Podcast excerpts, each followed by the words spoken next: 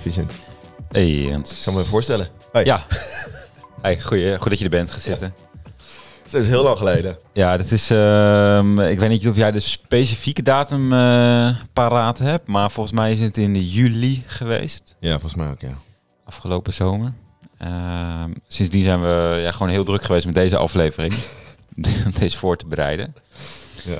Ehm, Klopt, ja. En eh, Heel, veel, eh, heel veel uitgezocht, op pad geweest, eh, Ja. dingen bezocht. En dingen uiteindelijk bezocht, dingen bekeken. eh, zijn we tot dit onderwerp gekomen. Ja. Nee, ja, weet niet. Ja. Weet je, we, we krijgen niet betaald voor deze podcast, dus Nee, ja, dan... ben, je, ben je een sponsor en luister je en denk je van nou, eh, ik wil ze iedere twee weken horen. ja. Ehm, dan, dan kan dat zeker. Dus eh, het heeft even geduurd. Maar ik had toevallig... ehm, eh, je hebt natuurlijk al die Spotify raps en zo. Raps. Ja, Weet je van die rappies, van die uh, Die lekkere rappies met kaas en uh, kip, kipje ja? Zo. De kerst komt er aan. Ik heb iets heel lekkers gevonden voor kerst.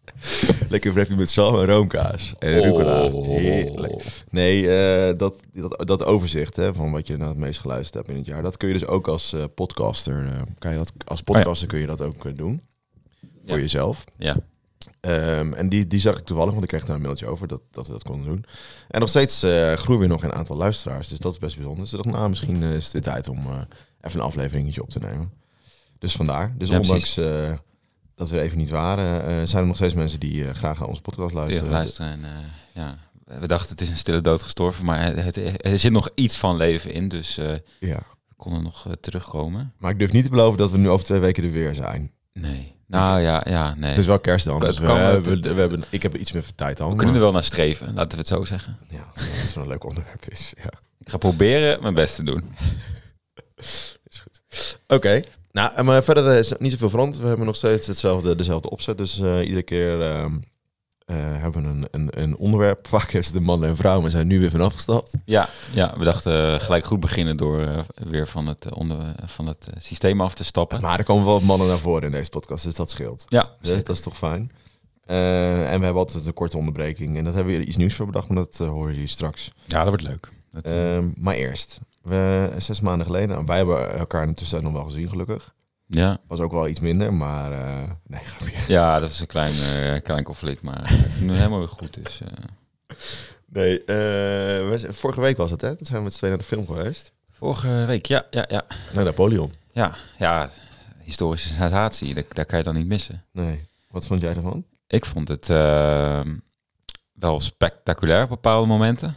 Ehm, ja, en, en wel heel veel.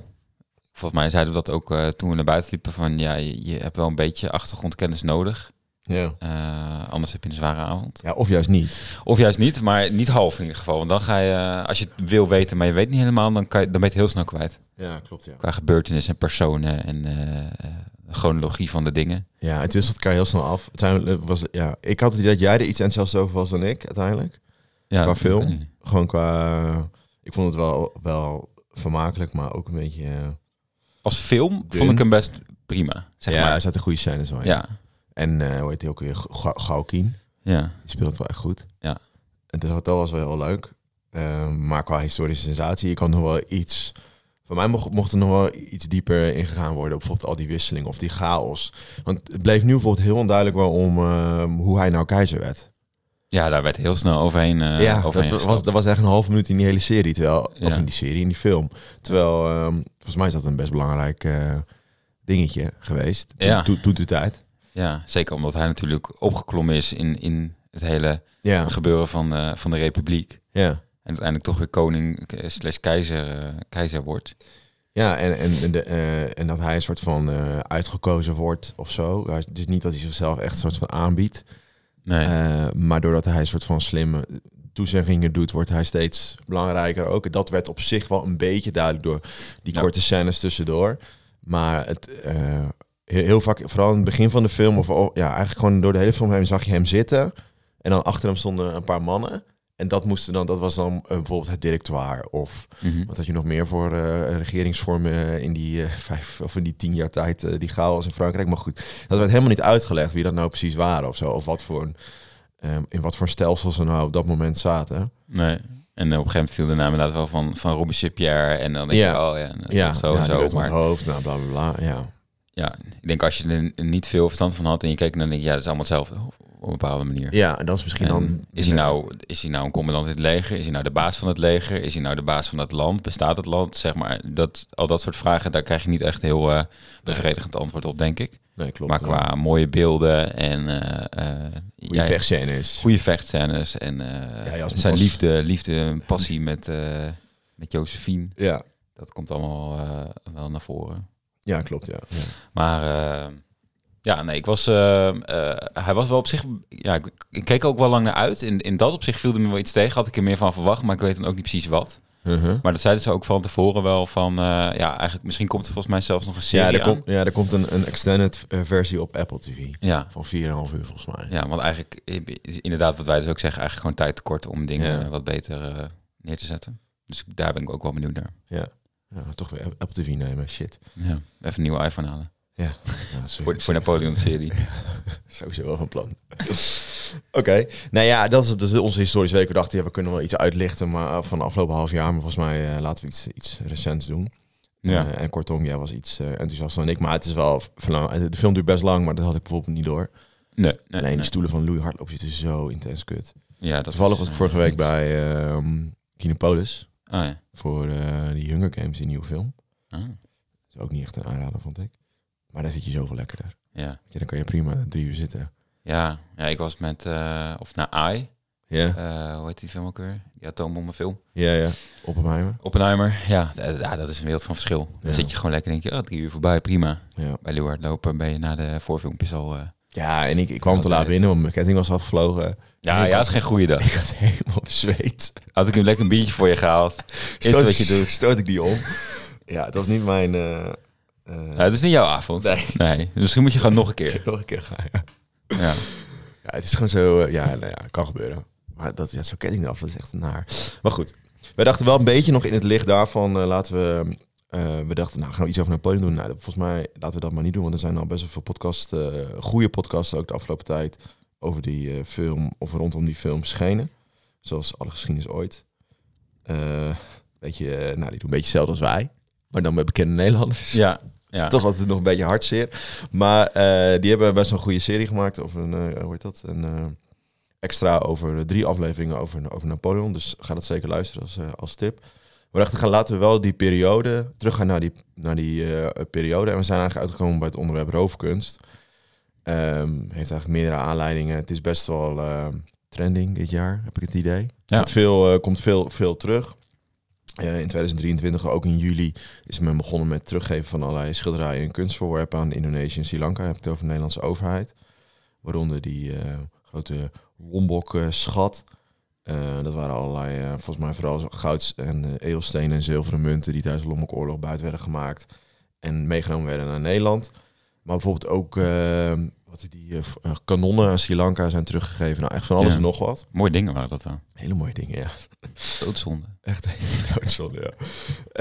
Eh, nou, het, het, het, het eh, Maurits heeft op dit moment een tentoonstelling over roofkunst. En de NRC heeft dan ook weer een nieuwe podcast over gestolen, over gestolen kunstschilderij. Is ook wel een leuke luistertip om, om te luisteren. Ja. Volgens mij hier hing ooit een schilderij, even uit mijn hoofd, zo Ja. heet die podcast. Is ook best, best grappig en dat gaat meer over de Tweede Wereldoorlog. Nou, kom jij later nog, eh, nog over. Eh, maar ik dacht, ja, we hebben het heel vaak nu over, over roofkunst. Is natuurlijk al een paar jaar een, eh, een belangrijk, belangrijk onderwerp. En vooral, wat moeten we er dan mee doen? Moeten we het teruggeven of moeten we het juist houden? Ehm, maar ik dacht, is- er niet ook een soort van... We hebben het vaak over dat, dat Nederland of Nederlandse musea... of Nederlandse instellingen dingen moeten teruggeven aan andere landen. Maar zijn er geen dingen die wij als Nederland nog kunnen opeisen bij, eh, bij Ja. andere landen? Daar ben ik even ingedoken. Dacht, ook draai, af, draai ik hem even, ik dacht, ik Leuk. draai hem even om. Ja. Eh, en nou, dat is er zat, gelukkig. Oh. Eh, dus wij kunnen ook op de, de barricade een keer op. Ja. Ehm, en dan begin ik eigenlijk een beetje... Dus schijn dat we beginnen in dezelfde periode ehm, als net. Namelijk, ik ben bij Willem de Verzamelaar. Dat is de bijnaam, maar eigenlijk kennen we hem allemaal als stadhouder Willem V of prins Willem V. Dat is de toenmalige stadhouder van de Republiek. We zijn nu ongeveer rond eh 1770. Het is periode 1770, 1790. Dat is de vader van koning Willem I. Vader van koning Ja. Willem I. Ja, dat hebben- hebben we die Afstammeling van eh, eh, Willem ja. de Zwijger. Precies. En dat is dan weer Willem van Oranje. Ja, En dat is dan weer twee, twee eeuwen eh, eerder. Ja, Kom- ko- daar gaan we nog een aflevering van maken. Ik ben namelijk dat boek aan het lezen van 800 pagina's. Oh ja, leuk boek is dat. Heel leuk boek, maar ik val echt letterlijk na twee pagina's elke keer in slaap. Omdat het, die bladzijden zijn dus heel... Dat boek is heel dik. Ja, Even een zijstapje hoor. En die, eh, vaak heb je dan boeken zit dan wel veel witruimte omheen. ja, dit wordt helemaal gebruikt. Het is gewoon heel duurzaam. Het is echt heel duurzaam. ja. Maar voor mijn gevoel heb, heb ik iets van... Lees ik per, per bladzijde ongeveer 2000 woorden. Eh, waardoor ik dus gewoon... Ik kom, dat, ik heb, Ja, ik door. het duurt gewoon heel lang over dat boek. Terwijl het best wel leuk is. Ja. Eh, ook wel intensief, want ik hoorde heel veel namen in, ge- in genoemd... waardoor je snel ook afgeleid bent. Maar het geeft wel echt een goed beeld over ehm, Willem van Oranje. Dus de, een, ja, een voorvader van, eh, van Willem V, die stadhouder was. En hij werd stadhouder eigenlijk best wel een roerige periode. Hè? Daar kom ik later nog, ehm, nog op terug, want daar, we hebben het over die Franse tijd, weer over Napoleon. Ehm, maar hij werd eigenlijk eh, Willem de Verzamelaar genoemd, omdat eh, hij gedurende zijn leven heel veel dingen verzamelde, van alles en nog wat. En dat kwam eh, vanuit zijn familie, omdat zijn voorvaderen, zoals prins Hendrik en zo, dat ook allemaal hadden verzameld. Of zijn eh, ooms en eh, tantes, zijn moeder die allerlei dingen aan hem gaf of dingen voor hem regelen. En omdat hij zelf ook allerlei dingen kocht op veilingen toen de tijd. En Mhm. dat was best wel nou, normaal. In ieder geval, dat gebeurde vaker in die periode dat nou, dat zeggen, hoger geplaatsten bezig waren met grote kunstcollecties aanleggen. Je hebt een beetje de beginperiode ook van de musea en zo. Ehm, en zijn co- kunstcollectie of zijn collectie bestond uiteindelijk echt eh, uit best wel bijzondere schilderijen. Bijvoorbeeld van Jan Steen, Paulus Potter en eh, Peter Paul Rubens. Ja, jij als kunsthistoricus zegt dat misschien wel wat. Je hebt toch ook uit je kunstgeschiedenis Ja, ja, ja, ja, ik ken ze allemaal, die jongens. Ja, ja. Ehm, eh, maar hij had ook allerlei andere dingen, zoals manuscripten, boeken en historische objecten. Vond ik wel vet, zoals een sabel van Michiel de Ruiter. Ja. Best eh, gaaf als je dat hebt, toch? Ik zou het wel willen hebben. Ja, en de ad- admiraalstaf eh, staf van eh, Maarten Tromp. Ook Ja. wel, wel vet. En bijvoorbeeld een, eh, met Eelsteen de versier kanon. Die ooit aan de Ruiter was geschonken aan de Inlandse Vossen. Nou, misschien is die inmiddels weer teruggegeven. Dat weet, dat weet ik. Moest, had ik even, had ik moeten even na, na moeten zoeken. Maar ook allerlei dieren. Hij had, eh, kreeg bijvoorbeeld via zijn moeder gedroogde insecten, opgezette dieren uit de kolonie van de Republiek toenmalig. Zoals in de, een skelet van een giraf. De giraf Gordon. Die op dit moment nog steeds in Frankrijk is. Dat is dan een bruggetje naar, eh, naar Huh? straks. Eh, maar ook, ja, gewoon dus echt van alles en nog wat verzamelde hij. En het, op een gegeven moment groeide dat zo uit zijn voegen eigenlijk... dat hij eh, ehm, in eerste instantie dat op het Binnenhof allemaal verzamelde... op verschillende verdiepingen, maar dat paste allemaal niet meer. Dus hij liet in 1774 vooral met name voor zijn kunstcollectie... de galerij Prins Willem V bouwen. Dat was eigenlijk het eerste openbare museum eh, van Nederland. En dat museum Hm. bestaat nog steeds, of het bestaat weer eigenlijk. Sinds de jaren 70, jaren 80 is het nu onderdeel van het eh, Mauritshuis in, eh, in Den Haag. Met de collectie dan, zeg maar. Ja. Of, ja, de collectie ja, van, van hem. Dus het waren met name die schilderijen. En wat ik wel grappig vond, dat lees je dan bijvoorbeeld ook op de website van het Mauritshuis, ehm, is dat, ehm, eh, wat je natuurlijk wel vaker ziet van musea in die tijd en later ook wel, dat eh, op al die muren was niks wit aan te zien. Alles werd helemaal volgehangen met schilderijen. Dus elk Ja. vrij hoekje werd gebruikt om een, eh, om een portretje op te hangen of een, eh, of een andere schilderij. En het moest natuurlijk ook wel vooral laten zien nou, hoe groot je collectie was, maar ook ja, dat het echt iets overweldigends was. En dat het bijzonder was dat je naar, naar binnen ging. Dus er was geen vrije plek meer op de muur, overal hing, hing wat. Nou, dat, dat, dat was dus het eerste museum in, in Nederland, het eerste openbare museum. En eigenlijk door dat museum en ook door die, eh nou, die verzamelwoede die hij, had- die hij had, kreeg hij ook wel de bijnaam eh, Willem de Verzamelaar. Hm. Nou, 1774 en dan gaan we eigenlijk eh, eh, s- 20 jaar verder, gaan we naar eh, 22, januari, 22 januari 1795. Franse, het Franse Republikeinse leger komt Den Haag binnen en eigenlijk de Franse tijd begint. Het was al wat langer een roerige tijd in, in Nederland. Dat zul je ook wel eh, herkennen. Het is een enorme eh, chaos. Eh, we hebben de pa- patriottenstrijd gehad eigenlijk in 17, eh, ongeveer rond 1780. En bijvoorbeeld het pamfletje van Johannes eh, van Capelle. Even, Van Capelle tot Nijssel. ja, zoiets, ja. Met aan het volk van Nederland. die, die vond dat de stadhouder te veel macht kreeg. En dat er geen sprake was van een echte vrijheid of soevereiniteit. En dat hij te corrupt was. Nou, die, die, die patriotten zaten eigenlijk in eh, 1787 eh, de kop ingedrukt door eh, prins Willem V. eh, door, door militaire optreden met behulp van, het Pruisische, van de Pruisische troepen. Eh, Ja. wat, eh, weer familie, eh, wat familiebanden en het Engels geld werd, eh, werden uiteindelijk die patriotten een soort van verdreven. Maar een paar jaar later, in 1795, eh, komt het eigenlijk weer, weer op. Nederland is ook een beetje, of de Republiek is een beetje bankroet, gaat niet zo goed met, eh, met, met de economie.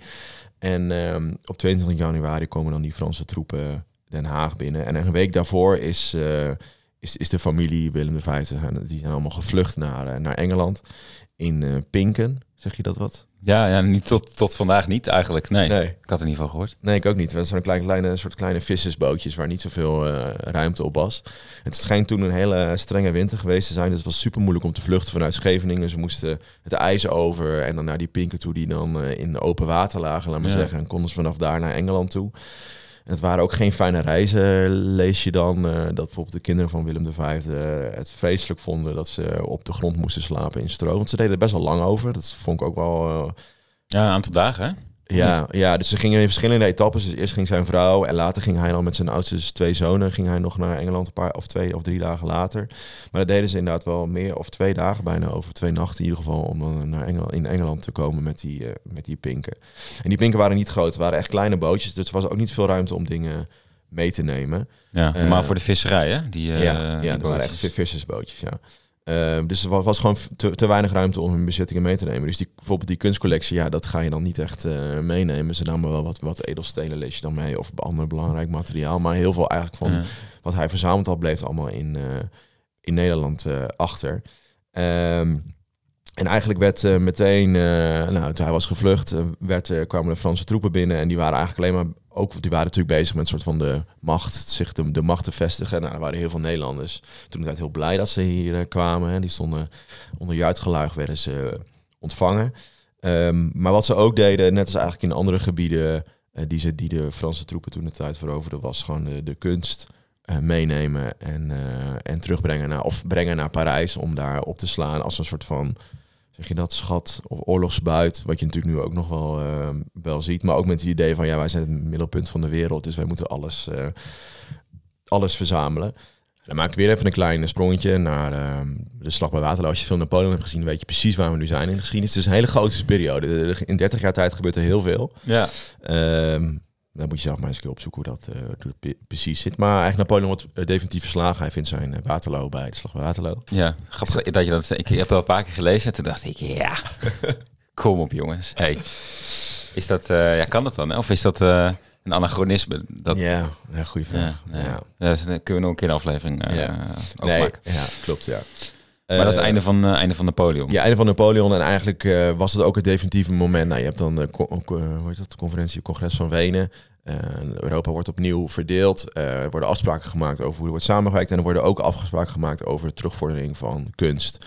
want veel van, ehm, die, veel van die verzameling van Willem de Verzamelaar, Willem de Vijfde, was terechtgekomen bijvoorbeeld in het Louvre, maar ook in Lyon in grote musea. Dus ja. het was verdeeld over Frankrijk.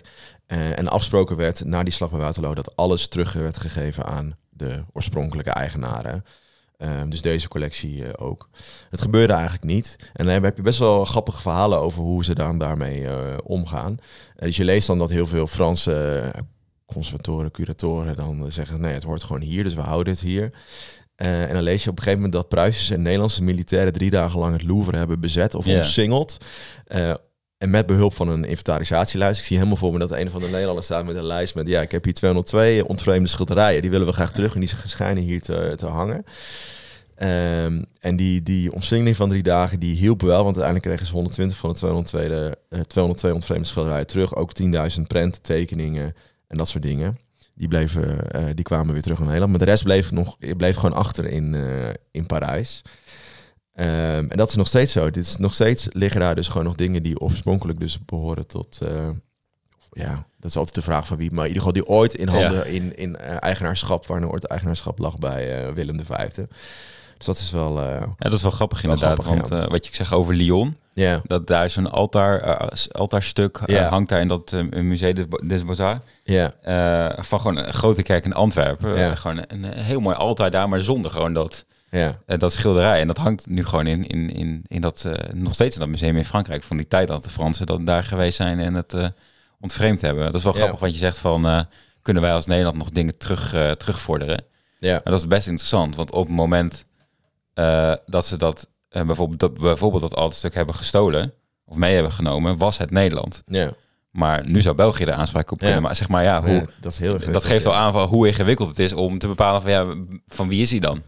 Ja, zeg maar. Ja, dat, ja en je had ook wel dingetjes nog opgeschreven over um, eh, dat er gewoon echt gedurende de, de die je hebt in 1805 natuurlijk, maar ook nog gewoon in 1970 dat er weer opnieuw gesprekken waren over er moeten wel dingen terugkomen, maar het komt er maar niet van. Dus dat is ook wel grappig. Af en toe probeert men het ook wel weer. eh, een gewoon, beetje eh, eh, op, de, op te stoken dat het dat er weer iets mee kan. Maar ik vind het wel grappig om dat te zien. Ik ben wel benieuwd, want dat kon ik dus niet echt vinden van hoe in hoeverre bijvoorbeeld dan nu nog dan hangt in, in de, als je stel voor je loopt nu in het Louvre dat er Ja, staat van voormalig of nee, ik denk dat het er niet bij staat. nee, maar bijvoorbeeld in, in het British Museum, wij waren daar, waar, wanneer waren we daar? In de zomer. Ja? Zijn we daar geweest? Nee, Nee, wij waren er niet Nee, nee. jij daarvoor, denk ik. Ik was het jaar daarvoor was ik daar dan. En daar, daar hangt het nu wel steeds vaker bij van. Ah ja, Voormalig terwijl zij niet of- heel eh, Nee. meewerkend zijn in dat opzicht. Nee, met al die eh, tempels en zo die ze daar helemaal opgebouwd hebben. Dus dat is wel grappig, maar daar ben ik wel benieuwd naar.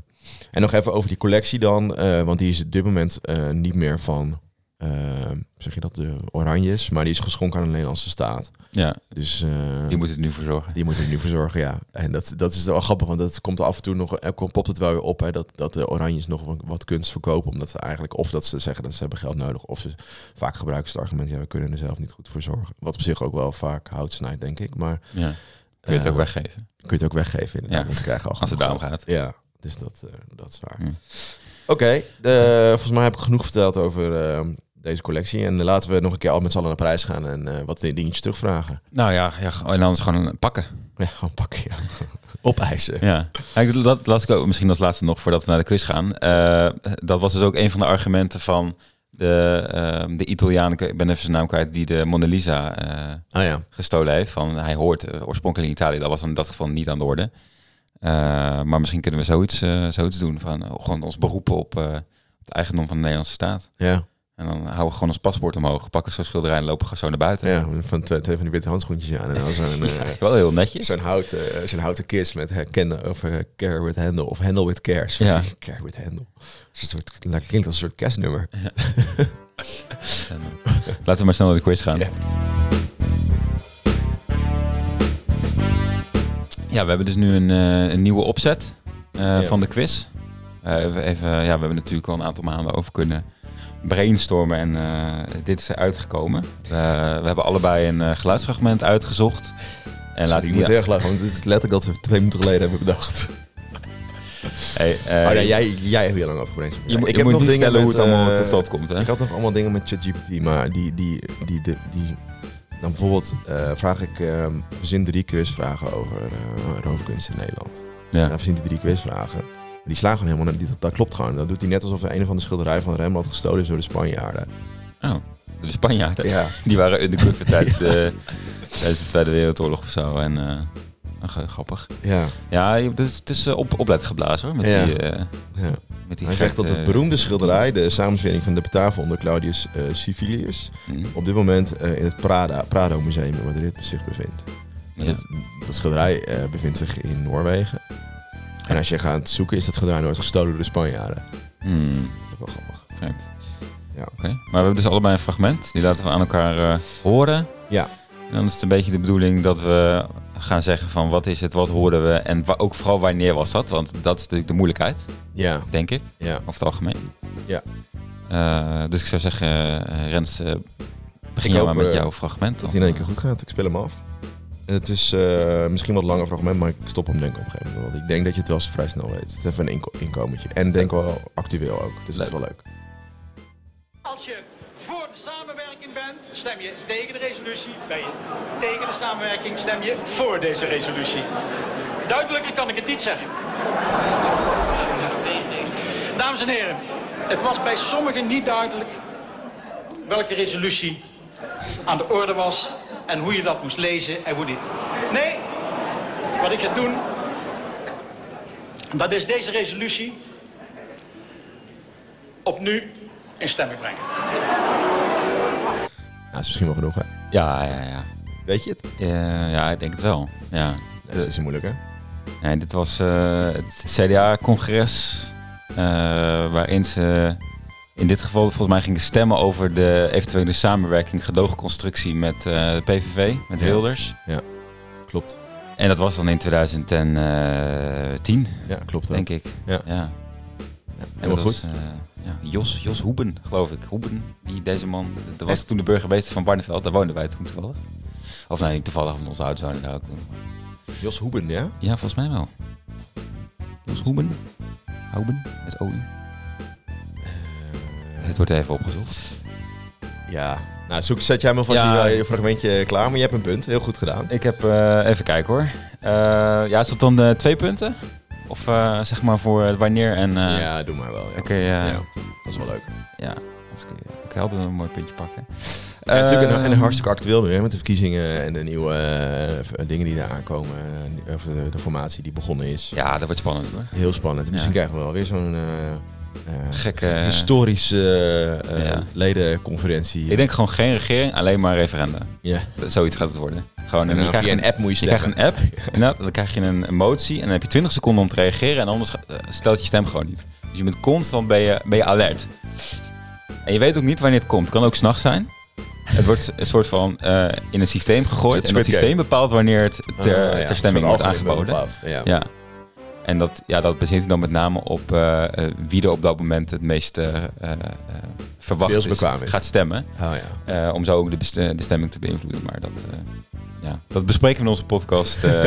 complottheorieën en gaat het wel goed met jou? Ik heb ook een fragment. Een beetje hetzelfde verhaal. Ook een, bezig, een beetje gerelateerd hieraan. Heel grappig. Iets meer in de, In de geschiedenis. in de causale kant van, van dit hele verhaal. Ehm, ja, ik ga hem aanzetten en eh, dan hoop ik dat dat allemaal goed gaat. Er is vandaag een Amsterdammer vermoord. Afschuw en verbijstering over deze daad, die vervullen ons. En daarom zijn wij hier samen op de Dam, symbool van onze vrijheid.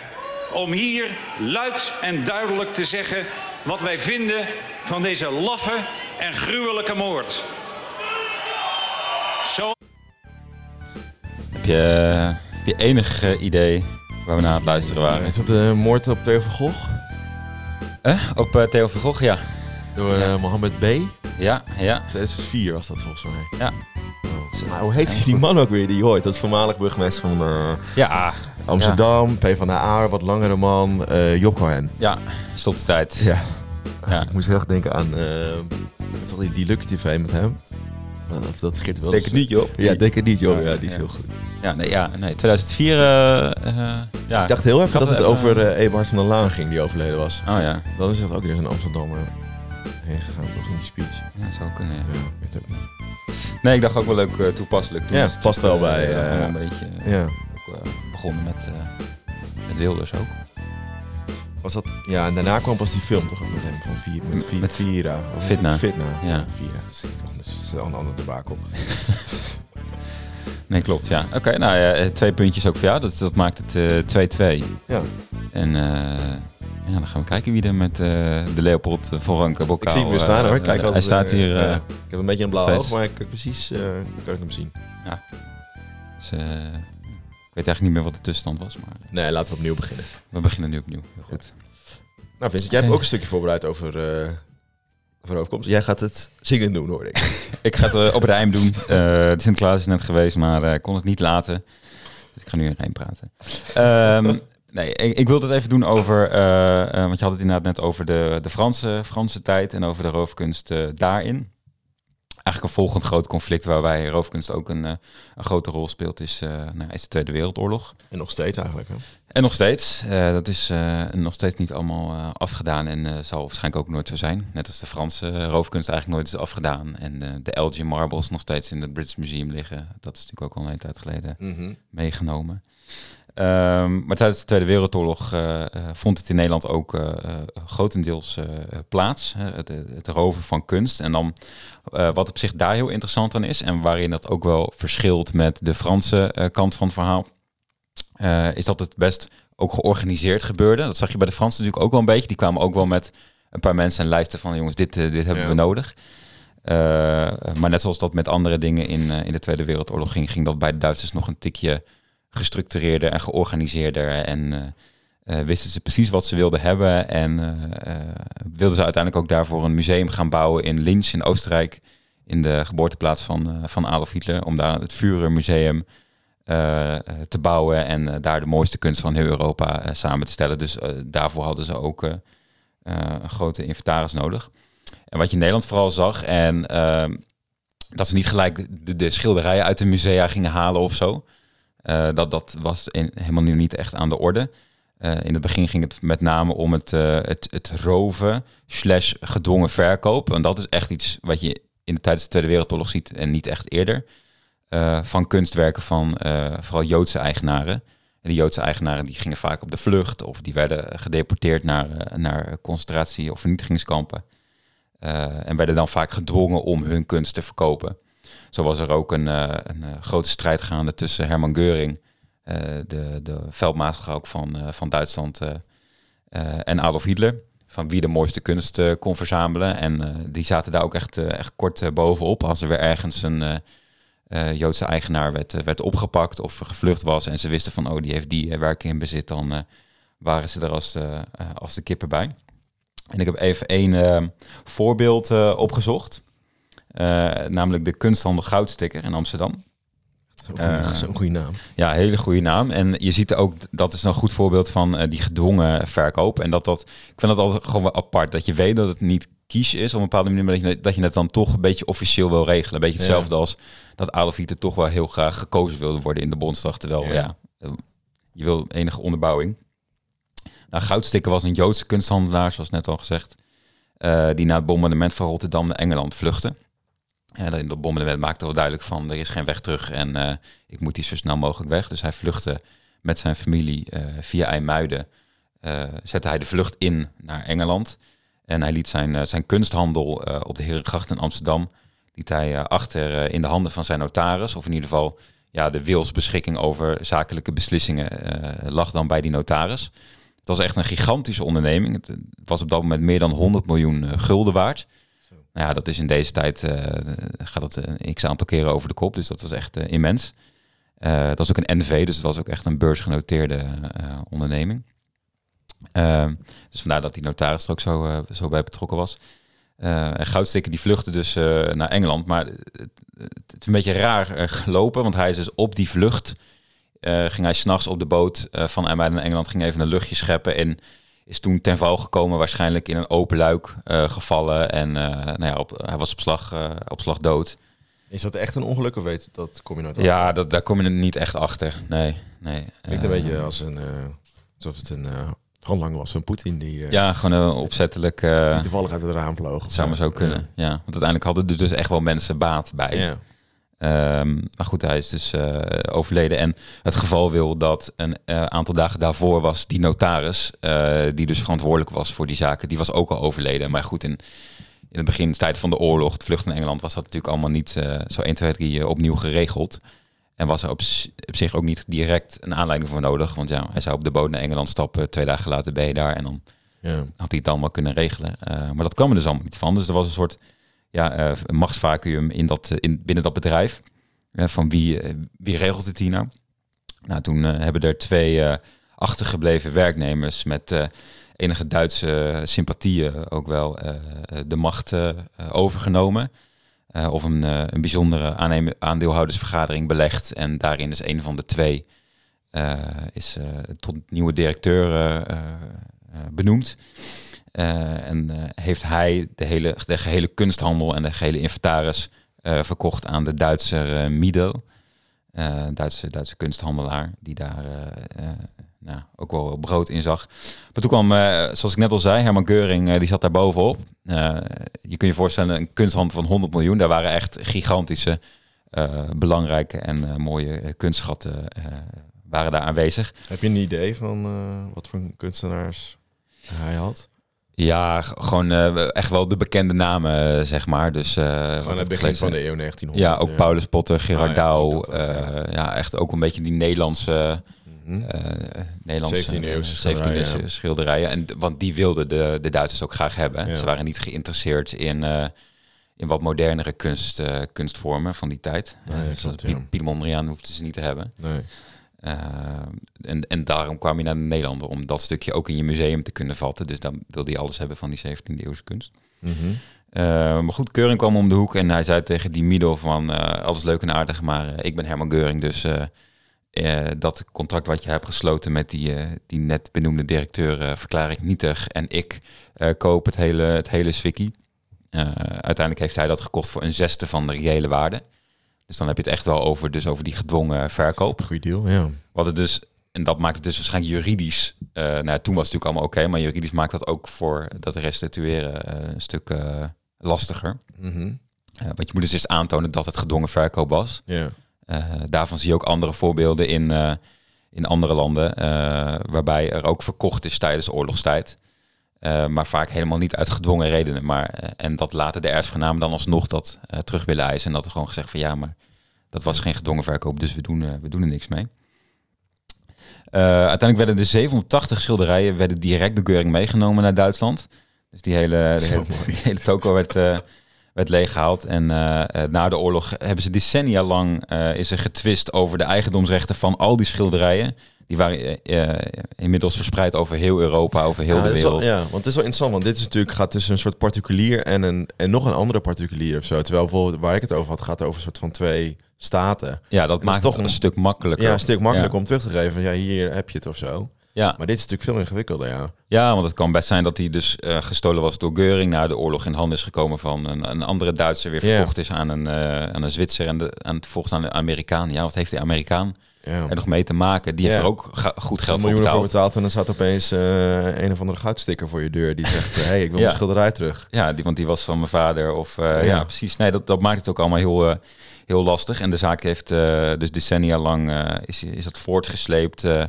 ook wel met de Nederlandse, Nederlandse overheid. Die Mhm. moest, want die heeft al veel van die schilderijen teruggekregen in, in bezit. Oh ja. Dus er lagen er redelijk wat in het depot in, in Rijswijk. Waar al, de, eh, waar al die schilderijen die terugkwamen van, eh, eh, uit de oorlog werden opgeslagen en wachten op nou ja, een soort gevonden voorwerpen eigenlijk. Wie, wie komt ze ophalen?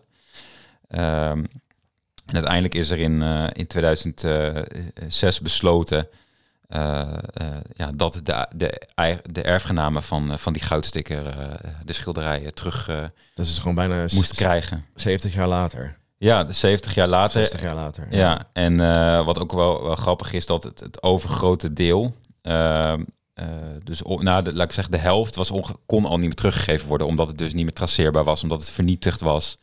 Eh, het is natuurlijk allemaal met Geuring meegegaan naar Duitsland. Nou, Ja, veel is ook gewoon te eh, erg beschadigd geweest, toch? Omdat hij het op allemaal gekke plekken opsloeg. Ik zag dat je het draaiboek had gezet zoutmijnen, maar inderdaad ook op andere plekken waar je eigenlijk geen schilderijen moet opslaan. Wat helemaal niet handig is. nee, En dat ze gewoon niet meer toonbaar eruit werden gehaald na de oorlog.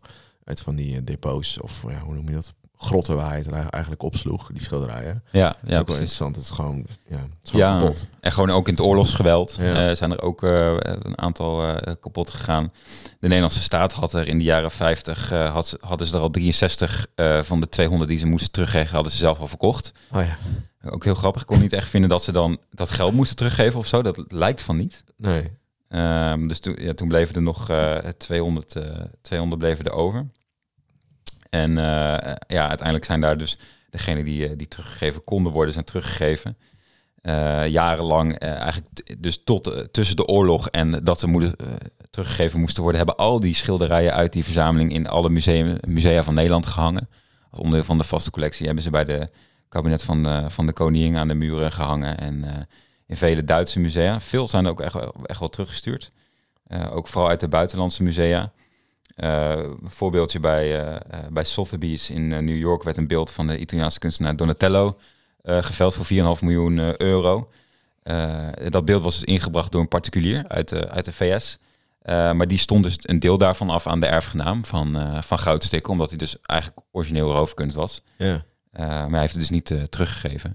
En dat is ook wel grappig, want uiteindelijk heeft deze erfgenaam, wiens achtergrond ook een beetje discutabel is, want het was dan, eh, dus die, die goudstikker was overleden en die vrouw is hertrouwd en dat was daar dan de eh, zoon of dochter van. Oh ja. Eh, zo- eh, Zo'n zo'n constructie. eh, en uiteindelijk is, zijn al die eh, kunstwerken teruggekomen en heeft ze ook gelijk verkocht. Zeg maar, en dat, ja, Oh ja, dat is ook wel grappig. maakt Het, het, eigenlijk, lijkt ook wel een beetje op dat verhaal van die podcast van Hier hing een schilderij. ja, dat, dat je natuurlijk ook, eh, hoe zeg je dat? Het is natuurlijk zo'n, ehm, eh, hoe noem je dat, hoe benoem je dat goed, of leg je dat goed uit? Nu is het natuurlijk best wel een hype of zo om dingen dan terug te geven of op te eisen van het is van mij. Ja. Uh, maar daar kun je natuurlijk ook gewoon in die hype en de snelheid daarvan uh, kunnen daar gewoon best wel grote fouten in gemaakt worden. En dan kunnen gewoon mensen zeggen, ja, ik ben de rechtmatige eigenaar. Maar achteraf blijkt dan, als die helemaal dat kanon of sabel of het schilderij heeft, dat het helemaal niet uh, tot diegene, dat hij er helemaal geen recht op heeft eigenlijk. En dat zie je natuurlijk ook best wel. Want bijvoorbeeld um, waar, waar ik werk, heb je dat nu. Hebben wij hebben ook roofkunst in onze collectie. Of in ieder geval. Het is altijd, ja, we, we, weten van sommige dingen wel echt dat het roofkunst is. Bijvoorbeeld Korans, die dan gestolen zijn, ook tijdens die Lombokoorlog, zelfs ja. oorlog, die dan uh, in onze bibliotheek liggen. Uh, maar ook inderdaad gewoon uh, bijvoorbeeld, we hebben dan een bibliotheek of een collectie van een voormalige gouverneur-generaal die dan allemaal geschenken heeft gekregen. Dus ook allerlei boekjes gemaakt op palmbladeren en weet ik veel wat. Ja, als dat ingebracht wordt als geschenk door zijn familie, laten we zeggen, ja, dan hoeft het niet per se roofkunst te zijn meteen. Maar de kans kan wel groot zijn dat het roofkunst is. Ja. Maar het grappige is um, dat je, je zag een beetje, dat is nu wel een beetje aan het veranderen, maar tot tien jaar geleden of zo zag je de, de, lade, de, de, of dat van het idee van, oh, we moeten het teruggeven. Terwijl bijvoorbeeld bij die boeken is het heel vaak dat de Indonesische overheid denkt van ja, we hoeven dat helemaal niet te hebben. We hebben daar helemaal geen behoefte aan. Nee. Dus dan kun je het wel zeggen, we willen het gaan teruggeven. Maar als zij daar dat helemaal niet willen, waarom zou je het dan terug moeten geven of zo? Dus dat is ook wel interessant. Heel vaak werd, tenminste die, uh, in de snelheid of in de hype werd een soort van voorbij gegaan ook aan dat standpunt van ja, maar wil die misschien de rechtmatige eigenaar het zelf ook wel hebben. Dus dat is natuurlijk ook wel grappig. En natuurlijk zijn ook een soort van hele verschillende omgangen met, met het verleden. Ja. Uh, ook hierin, denk ik. Dus dat is ook van wij hebben misschien in Europa of West-Europa of in Nederland heel een soort van oh, we moeten het bewaren en beschermen. Terwijl uh, misschien in andere landen of andere culturen is dat veel minder. Kijk maar eens bijvoorbeeld naar die uh, in Griekenland of zo. Ja, maar jij was al in Athene geweest, toch? Mag je eigenlijk op best wel veel dingen mag je gewoon lopen, toch? Op die tempels en zo. Ja. In Egypte bij die piramides ook. Terwijl hier mag je eigenlijk, uh, nou op de Hunebenen mag je, ja, mag je eigenlijk geen staan. Nee. Terwijl, ja, nee. dit is een soort heel erg, soort van wij zitten heel erg in die beheer en behoud en het moet allemaal goed zijn. Maar ja, als mensen een andere omgang hebben met het verleden, ja, dan dus dat Ja, maakt het ook wel ingewikkeld of zo. Ja, precies. En dat, dat komt natuurlijk ook. eh, dat is natuurlijk vaak ook het argument bijvoorbeeld van het British Museum als je het hebt over de, de Elgin Marbles, over de, dus de Friese van het, van het Parthenon. Dat is zo mooi Van- dat ze daar gewoon een heel nieuw ding houden daarvoor. Van nou, we hebben het gebouwd. Ja, Ja. van wij kunnen er goed voor zorgen. Eh, dat, dat zegt het British Museum dan. eh waaruit blijkt dat dus in de afgelopen jaren eh, meermaals echt voor, voor gigantische waardes aan gestolen is in het British Museum. Dus dat het ook niet helemaal, niet helemaal opgaat. Eh, maar dat is natuurlijk hun enige argument. Want het argument van de Grieken is natuurlijk gewoon... ja, dit is ons erfgoed. Wij, Ja, en de, Grieken, en die Grieken hebben nu ook een soort eh, museumachtige ding Ja. gebouwd. Een depot waar het in komt. Omdat Ja, dat, dat voldoet aan de dingen. Ja, want dat zeiden ze dus bij het British Museum. Ja. Van, nou, dan moet je dit en dit hebben. Ja, hebben ze dat. gedaan, en nu hebben ze dat. Maar, eh, en de Britten zeggen ook van, het is geen roofkunst. Nee. Want we hebben het toen in, eh, met akkoord van de, van de Osmanen die daar toen eh, de dienst uitmaakten, hebben we het meegenomen om het juist te restaureren en te conserveren. Ja. Eh, dat, is, dat is op zich wel grappig. En als je bijvoorbeeld ook kijkt naar die goudsteken, dat is, ik las dat en ik vond het ook wel saillant. Hij heeft zelf ook roofkunst, zat weer in die collectie, heeft hij gekocht Oh. van Duitsers. Eh, toen zij de Sovjet-Unie zijn binnengevallen, heb- hebben de Duitsers daar ook eh, Ja. kunst geconfiskeerd en dat heeft hij ook weer gekocht. Dus het, het zit, ja, het ligt allemaal zo. Het is zo complex dan meteen. Ja, Ja. het is echt eh, wel grappig. ja. Wat zou de oplossing dan zijn? hè? Eigenlijk als het gewoon een soort van... Als het dan wel openbaar toegankelijk is, dat je het kan bekijken. Ja. Misschien is dat al wel gewoon prima. Toch? Ja, ik vraag me gewoon heel erg af als het... eh, kijk, met die LG Marbles of zo geloof ik dat wel. Dat het gaat echt heel erg over het erfgoed. Ja. En het is ook niet per se... Maar vooral met schilderijen, die zijn echt geld waard. Ja. Eh, dan heb je het gewoon over, ja, Ja. meer over vermogen wat ontvreemd is. En dat ligt natuurlijk best gevoelig. Eh, nog steeds met de Tweede Wereldoorlog, omdat dat Ja. nog gewoon niet zo lang geleden is. Maar als het al niks waard zou zijn, ben ik heel erg benieuwd hoe, ja, hoe, het, hoe het dan zou zijn. Ja. Want dat zie je natuurlijk ook, wat je zegt met die boeken in Indonesië. Van, oh, jullie willen, hier heb je die boeken terug. Weet je, dat hoeven wij toch niet. Dat gevoel Nee. krijg je heel erg. Terwijl Ja. de mooie dingen, die blijven hier dan wel staan. Ja. Want daar hebben we dan opeens een andere uitleg voor. Of, Ja. ja.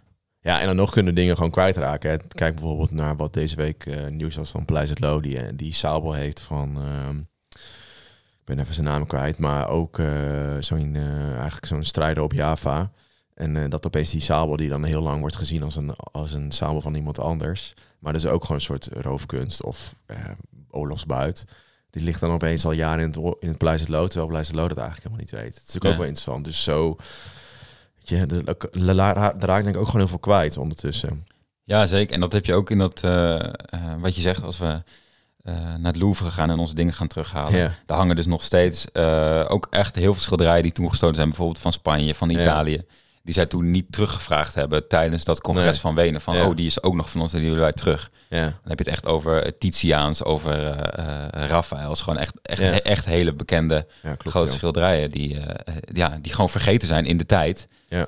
Ja, en dan, dan is het lastig om ze nu nog alsnog eh, terug te vragen. En dat is vaak dan een mooi politiek eh, spelletje wat af en toe gespeeld wordt. Van, eh, net zoals dat je zo heel af en toe wel eens hoort uit Polen van we willen nog steeds eh, restitutie voor de Tweede Wereldoorlog van Duitsland. Weet je, dat, dat soort, beetje in die hoek zit het dan. Ja. Het is natuurlijk vaak wel, vaak is het best populistisch. Zeg van, Denk, zo. Ja, en waar, hou- waar hou je dan op? Hè? Want wij hebben natuurlijk in het Rijksmuseum ook die eh, spiegelversiering van de, de Royal Charles, weet je wel. Ja, maar die hebben we eerlijk gewonnen. Chatten.